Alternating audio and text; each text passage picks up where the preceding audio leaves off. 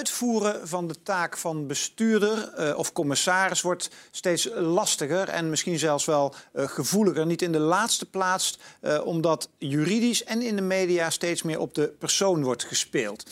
Um, is dat een goede zaak? Moet daar verandering in komen? Ik praat hierover met een specialist op dit gebied en met een duidelijke mening hierover. Partner bij DLA Piper, Marnix Hol Holzer. Marnix, van harte welkom. Dankjewel. Um, is het een goede zaak of is er verandering nodig als we kijken naar die tendens? Ja, ik vind die tendens geen goede zaak. Nee? Nee. Ik denk dat het uh, echt lastiger is geworden voor bestuurders en commissarissen om hun werk te doen, hm. omdat het uh, steeds persoonlijker is geworden. En natuurlijk was het altijd al zo dat je als, als, als bestuurder er tegenaan liep: hoge bomen vangen veel wind. He, dat, uh, dus ook altijd in de media heeft er altijd wel een zekere pressie. Hmm. werd er gelegd op het functioneren van een bestuurder en van een commissaris. Maar dat is de laatste twee jaar echt erg versterkt. En de dimensie die eraan is toegevoegd, is dat er in met name de rechtszaal sprake is van een verpersoonlijking van uh, de functie van bestuurder of commissaris. He, ik zie een zekere, als je het zou willen noemen, privatisering van dat functioneren. Ja. Maar waarom de laatste twee jaar? Hoe komt dat? Het is een beetje mode geworden. Uh, je hebt procedures bijvoorbeeld bij de ondernemingskamer... waarin het beleid van de vennootschap centraal staat. Wanbeleid uh, is dan vaak de centrale vraag. En het is een beetje mode geworden om, waar dat vroeger ging... over het functioneren van organen... Mm -hmm. de raad van bestuur, de raad van commissarissen... Mm -hmm. om dat nu te richten op één persoon. Of twee. Om er één of twee uit te lichten en die aan te vallen met vaak weinig tot niet gefundeerde aantijgingen van belangenverstrengeling of machtsmisbruik. En uh, om die op die manier in de schijnwerpers te zetten, maar dan op een hele negatieve manier. Maar wie doet dat dan? De tegenpartij? Dat zijn vaak de procespartijen ja. of hun advocaten. Ja, dus, dus laten we een paar concrete cases die jullie aan de ja. hand hebben gehad. Uh, een TMG is denk ik recent, ook in, uh, in het nieuws wel veel geweest. Waar twee, uh, twee heren uit het bestuur aan de kant werden geschoven, toch? Door de commissarissen. Klopt. En daar zag je dat al. ik trad op voor deze bestuurders. Ja. Uh, daar werd in de rechtszaal uh, precies met dit soort kwalificaties, belangenverstrengeling, uh, door gecombineerd met natuurlijk het mediageweld dat er rondom die zaak speelde, mm -hmm. werd dat heel persoonlijk. Als je ook nu nog steeds kijkt naar de koppen in de krant en ook nu nog steeds de verslaggeving op internet en in de media, mm -hmm. dan zie je eigenlijk steeds de bestuurders als centrale figuren gecombineerd dan met dit soort aantijgingen. Mm. Maar het, het, was toch ook... Ik bedoel, jij zei net in het begin, zeg je het zelf al... maar het zijn natuurlijk ook de twee... Ja, het is ook hoge bomen vangen veel wind, toch? Het waren twee bestuurders en, en, en wellicht... want waar het natuurlijk op ging, was het was een beetje het mediahuis Puienbroek... ten opzichte van Talpa. Dat was het, het gevecht natuurlijk om TMG. En zij hoorden dan waarschijnlijk wat meer bij de stal van, uh, van, van Talpa.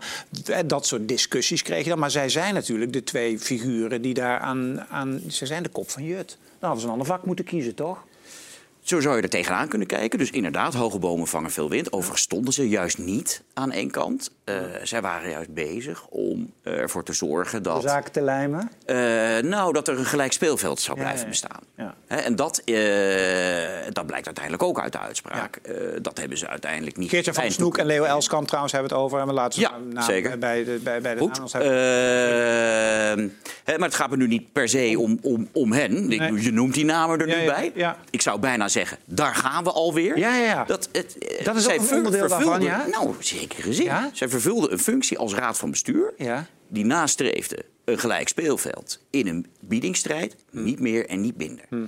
Daar horen, vind ik, niet bij kwalificaties als belangenverstrengeling. En, uh, uh, maar dat is in ieder geval wel hen verweten daar. Mm -hmm. Een ander voorbeeld is de AXO-zaak. Ja. Dan gaat het in de rechtszaal niet meer om de raad van commissarissen, mm -hmm. maar heel specifiek om de president-commissaris, of nog specifieker, de heer Burgmans. Ja.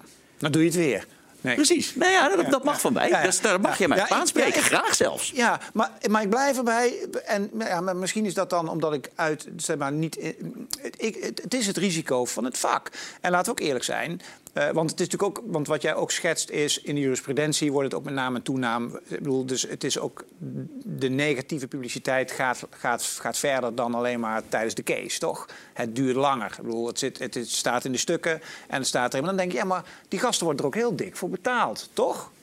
Nou ja, dat hangt er een beetje van af. Eh, In het algemeen. in het algemeen valt dat mee of valt dat tegen. Dat, eh, daar heeft iedereen zijn eigen maatstaf voor. Ja. Maar ik vind in de rechtszaal vind ik een ander verhaal. Kijk, de media moeten ook een zekere mate van terughoudendheid betrachten. Ja. Dat vind ik trouwens heel belangrijk. Daar komen we misschien straks nog even op terug. Ja. Maar in de rechtszaal gaat het mij om zakelijke, gefundeerde verwijten. Die moet je kunnen maken en die moet je kunnen hard maken. Die moet je kunnen bewijzen. Eh, Dus dat is een discussie die eh, verder reikt dan alleen maar... ach, ze hebben dat vak toch gekozen, dus hoort het er een beetje bij dat ze de kop van Jut zijn. Ja. Maar Daar zit een schaduwzet. Ja, maar ook juridisch kan ik me voorstellen dat het om... Want het is de persoon, en of dat nou... maakt niet uit wie het is, maar Jantje of Pietje... die heeft dingen gedaan en niet een raad van bestuur... of een raad van commissarissen, toch? Nou, dat ben ik niet met je eens. Nee? Dat ben ik niet met je eens. Eh, het is uiteindelijk. eh, Ze doen dat uit hoofde van. Ze doen het uit hoofde van hun functie. Het is, het is eh, uiteindelijk een functioneren. En natuurlijk, dat functioneren, dat, daar personen maken daar deel van uit. Maar het gaat me er dan niet om dat je dan één persoon uit. En met name, bij, ik vind dat bij de Raad van Commissarissen eigenlijk nog een sterker voorbeeld. Vaak bestaat zo'n raad uit vijf personen. Ja. Waarom zou je dan alleen de president-commissaris daaruit lichten? Dat vind ik heel opmerkelijk. Maar dat is wel een beetje mode geworden. En dan vaak met de meest negatieve kwalificaties. Nou, dat is in beursvennootschappen een beetje begonnen, een beetje mode geworden. Maar je ziet dat nu ook omslaan naar eh, niet genoteerde vennootschappen. We hadden laatst eh, ook een publieke zaak, eh, Intergamma. Ja. Eh, daar werd zowel de bestuurder als de voorzitter van de Raad van Commissarissen ook de meest flagrante verwijten gemaakt. Ook hier weer machtsmisbruik, volstrekt ongefundeerd. En ik heb daar toen in de rechtszaal bij de ondernemingskamer ook echt een punt van gemaakt. En wat heeft de ondernemerskamer daarvan mee gedaan? Nou, de ondernemingskamer heeft toen speciaal eh, een overweging eraan gewijd dat eh, dit soort persoonlijke verwijten niet gemaakt mochten worden. Zeker niet als daarvoor iedere fundering ontbreekt. En dus in feite begon die beschikking bijna met een overweging ten overvloede, waarin dit werd gezegd. En ik vind dat een krachtig signaal. Hè, dus dat, daarmee zegt de rechter: wacht even. Het, eh, natuurlijk, als je verwijten terecht zijn en je kunt ze hard maken, dan moet je ze maken. Dat is de taak van iedere advocaat. En dan zal ik het als advocaat ook doen. Dat is niet mijn punt. Maar het voor de bühne of ter kleuring van een zaak zwart maken van een persoon. Hè, ter, ter, ter eer en glorie van, van jouw eigen cliënt in de rechtszaal. Ja, daar zag je in ieder geval dat in die zaak de rechter tegenop kwam. En ik denk dat dat zijn effect niet mist. Eh, advocaten lezen zo'n beschikking, eh, zien dat de rechter daarvan niet geporteerd is en zien ook dat de rechter dit ziet. Ja, want dat is En natuurlijk niet de- zomaar ja, accepteert. Nee, precies. En dat is natuurlijk de vraag: werkt het? Want eh, ja, je doet natuurlijk alles voor je cliënt. Dus je wil die case gewoon winnen. Dus als je daarmee de tegenpartij een beetje zwart moet maken, ja, zo so be it. Maar ehm, als we de case winnen, dan winnen we de case. Maar werken dit soort praktijken? Nou, in die zaak heeft het in ieder geval niet gewerkt. Hmm. Eh, dus niet alleen is die overweging eh, als start van de beschikking opgenomen. Mhm. Maar uiteindelijk heeft de partij die die verwijt heeft gemaakt... die zaak, in, die zaak dus ook niet gewonnen. Mhm. En ik zie het ook wel als een onderdeel van een groter maatschappelijk probleem. En dat is. Wij willen in Nederland goede bestuurders en commissarissen. Daar hebben we behoefte aan Wie is we? als maatschappij. Ja. De maatschappij heeft behoefte aan goede bestuurders. Ja. De maatschappij heeft behoefte aan goede toezichthouders. En, ja. Dus daar hoort bij dat je er wel voor zorgt dat er een bepaald klimaat blijft waarin die mensen natuurlijk klappen opvangen waar dat nodig is. Ze moeten ook niet van suiker zijn gemaakt. Ze moeten tegen een stootje kunnen en een rechte ruggengraat hebben. Daar zit mijn probleem niet.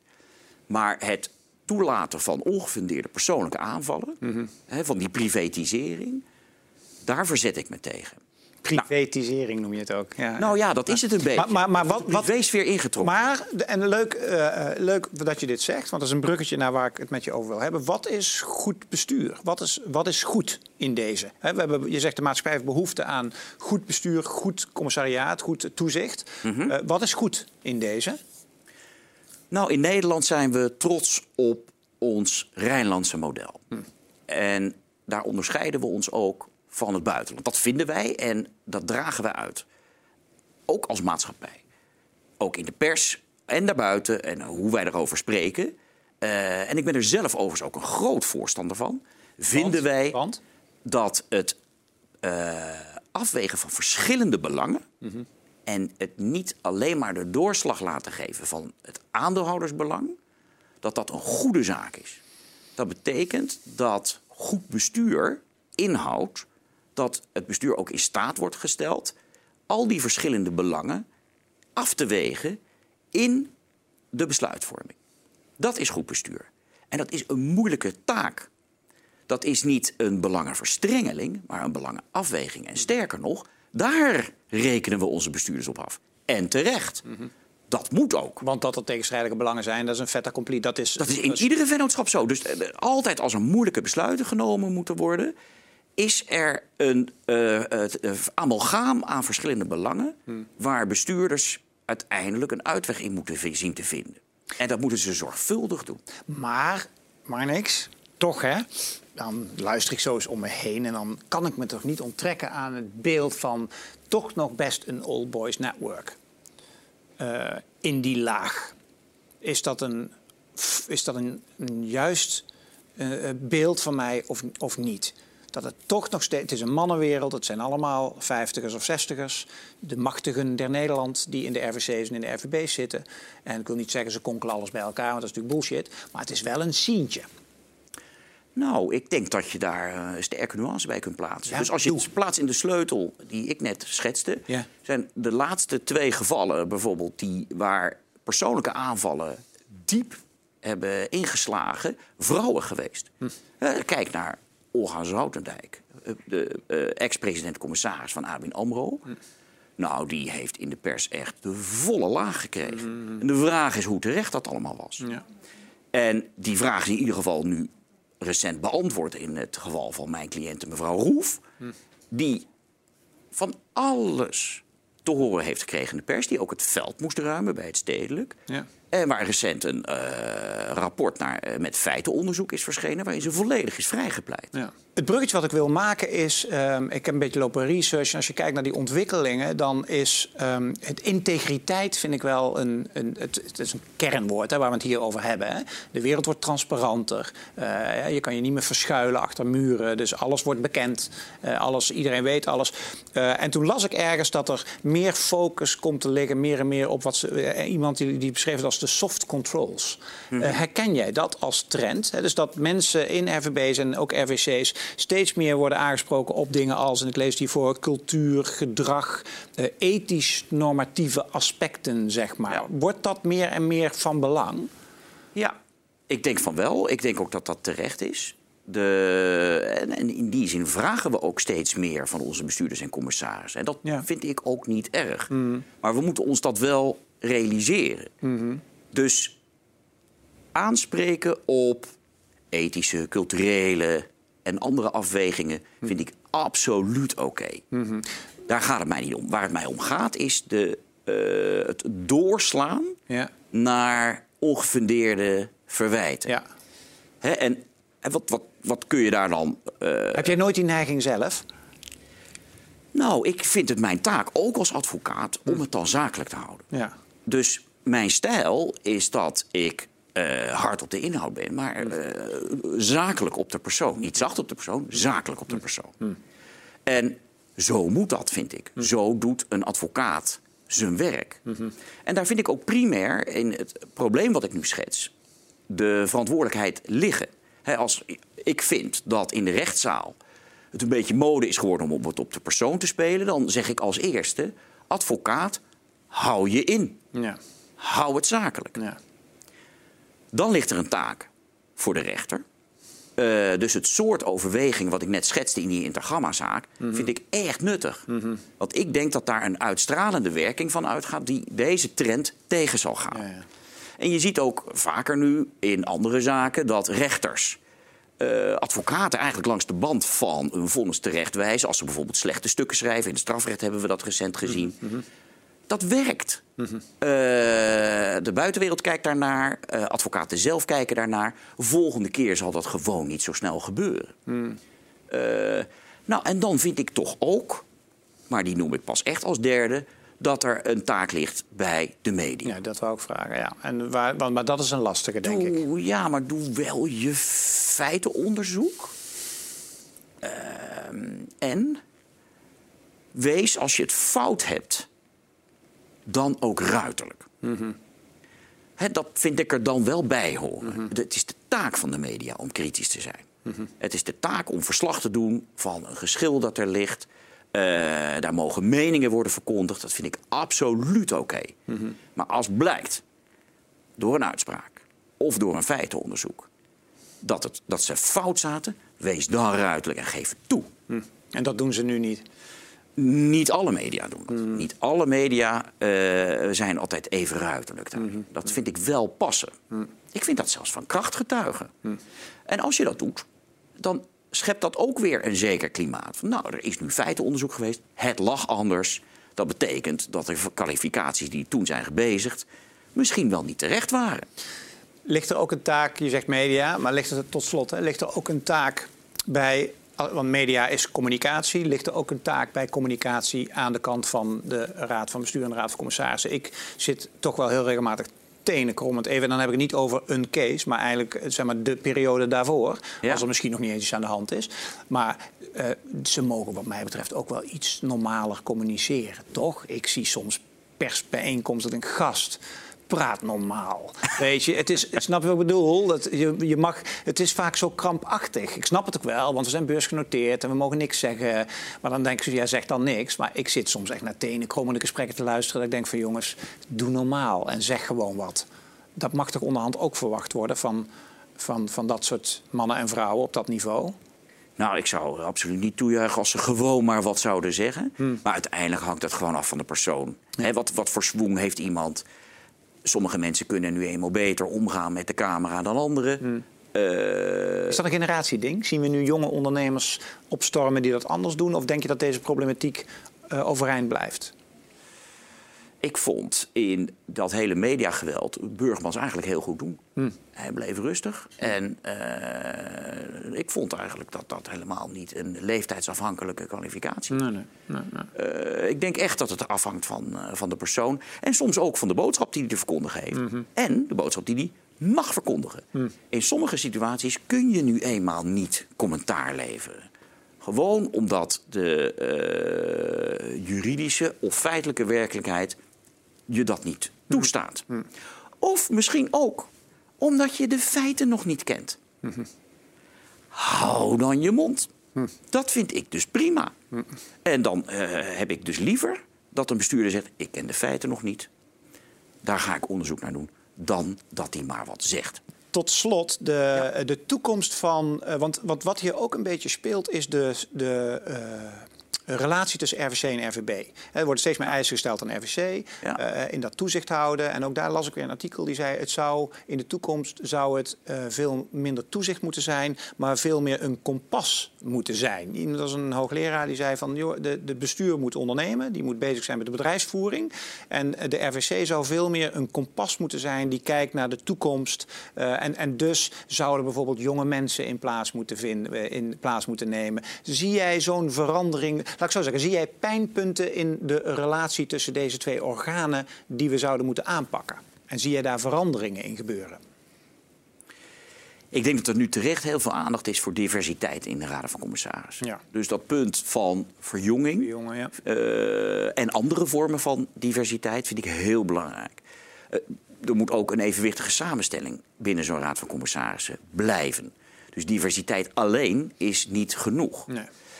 Maar ik denk wel dat je een punt hebt dat de adviesfunctie van zo'n raad van commissarissen steeds belangrijker wordt. Inderdaad, punten als ethiek. Maar ze staan natuurlijk vaak ook wat meer buiten de onderneming. Maar misschien is dat juist een kracht. Ja. Eh, juist ethiek vind ik eh, een heel belangrijk onderwerp. Waar we makkelijk een volgende interview over zouden kunnen houden. Maar waar ook advocaten een heel belangrijke rol in spelen als mensen van buiten de onderneming. Commissarissen, mensen die van buiten de onderneming komen, die niet in dienstverband staan van die onderneming. En die dus van buiten een bepaalde onafhankelijkheid meebrengen als ze hun werk goed doen. En daarin dus advies kunnen geven over inderdaad ethische en culturele kwesties. Ik denk inderdaad dat dat heel belangrijk is. Ja, ja, ja.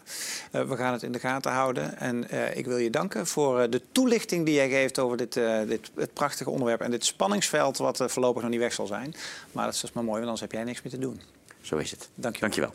En dankjewel voor het kijken naar deze aflevering namens DLA Piper. Dag.